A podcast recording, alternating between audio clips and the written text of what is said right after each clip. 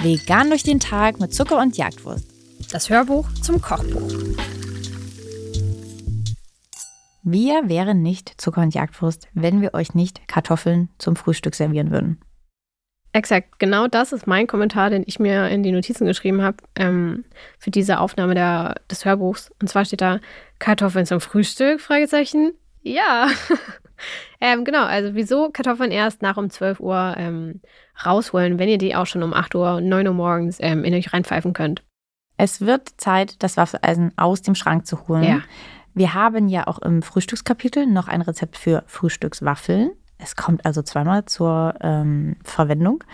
Und ich tatsächlich habe ein Waffeleisen in der Küche. Hast du auch eins? Ja, klar. Und hast du so ein, war das jetzt eine kleine Empfehlung von mir? Es gibt nämlich auch mittlerweile Geräte, bei denen man einfach die Platten austauschen kann.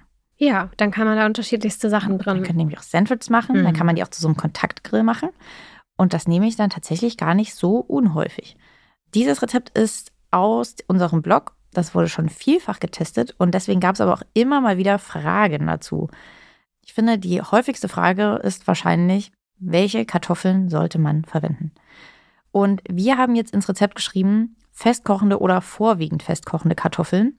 Aber auf Safe hatte ich beides schon nicht, als ich diese Waffeln wollte und habe mehlig kochende Kartoffeln verwendet. Und das geht auch. Ich glaube wahrscheinlich, egal welche Menschen ihr fragen werdet, man hat dann irgendeine Präferenz. Im Endeffekt hat es einfach nur Auswirkungen auf die Konsistenz. Essbar ist aber natürlich alles. Das liegt ein bisschen zusammen mit dem Stärkegehalt in den Kartoffeln, weil die am Ende natürlich auch dafür sorgt, dass die Kartoffeln zusammenhalten und knusprig werden. Wenn ihr festkochende nehmt, dann haben die sehr, sehr viel Stärke. Äh, Und das heißt auch, dass die ziemlich dolle zusammenhalten. Das heißt, dadurch werden eure Waffeln tendenziell noch knuspriger, aber vielleicht auch ein bisschen trockener.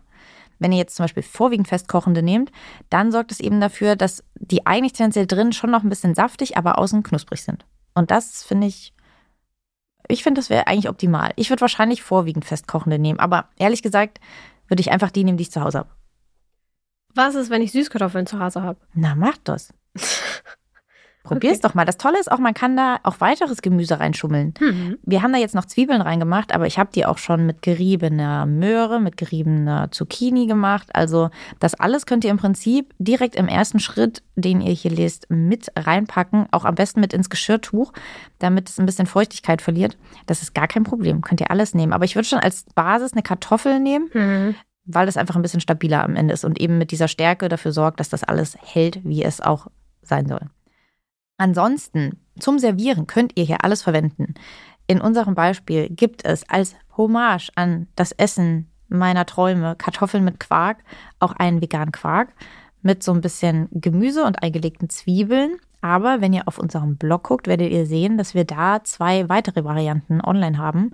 Einmal eine grüne, da ist Salsa Verde dran, unter anderem, und eine rote, da ist das Pesto Rosso unter anderem mit dran. Also ich finde, das ist auch ein klassisches, das ist eher Brunch als Frühstück wahrscheinlich. Oder?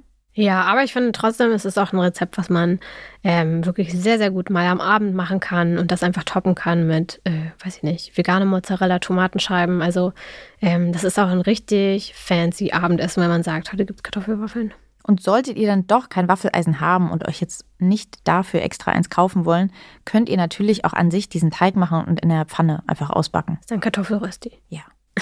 Genial. Genial, habe ich auf diese Idee gekommen. ähm, könnt ihr natürlich auch machen. Aber ansonsten, ich glaube, viel mehr. Hast du noch Fragen zu diesem Rezept? Nee, ähm, hm, ist, glaube ich, sehr verständlich. Ja, aber äh, probiert das mal aus. Es ist natürlich eine tolle Variante, ähm, statt immer nur süße Waffeln zu machen. Könnt ihr ja danach direkt machen, wenn das Waffeleisen einmal heiß ist. Mhm. Man kann eine süße. Vorspeise machen, dann eine herzhafte Waffeln zum Hauptgang und danach wieder mit süßen Waffeln enden. Ihr macht einfach ein Waffelmenü, einen ganzen Waffelabend. das hört nicht auf. Bei mir würde es dann aber mit der Kartoffelwaffel aufhören. Ihr müsst eigentlich ja nur zweimal einen Teig vorbereiten, einen süßen und einen herzhaften. Und dann könnt ihr einfach die ganze Zeit abwechseln, die ganze Woche über immer mal wieder ein paar Waffeln machen. Das ist doch einfach perfekt. Also wirklich. Ähm, deswegen ja, viel Spaß und vor allem wünsche ich euch viel Spaß beim Reiben. Das ist wirklich meine absolut unliebste Oh, Aufgabe in der Passt auf Küche. eure Finger auf, bitte. Passt auf eure Finger auf. Oder vielleicht habt ihr, das lohnt sich schon auch tatsächlich, Mhm. jetzt habt ihr schon das Waffeleisen gekauft und es ähm, vermüllt die Küche. Aber holt euch vielleicht auch noch so eine Maschine, die Sachen reiben kann. Mhm. Ich finde wirklich Kartoffeln reiben, so sehr ich Kartoffeln liebe, ist die nervigste Arbeit in der Küche. Ja, und so eine Maschine macht das in Sekundenschnelle, jagt ihr da eure Kartoffeln durch. Das ist wirklich absolut. Es lohnt sich richtig. Ja. Oder holt euch, also ja, holt euch mal irgendwas anderes, außer die normale Reibe. Toi, toi, toi. Ähm, ja, aber passt wirklich auf eure Finger auf.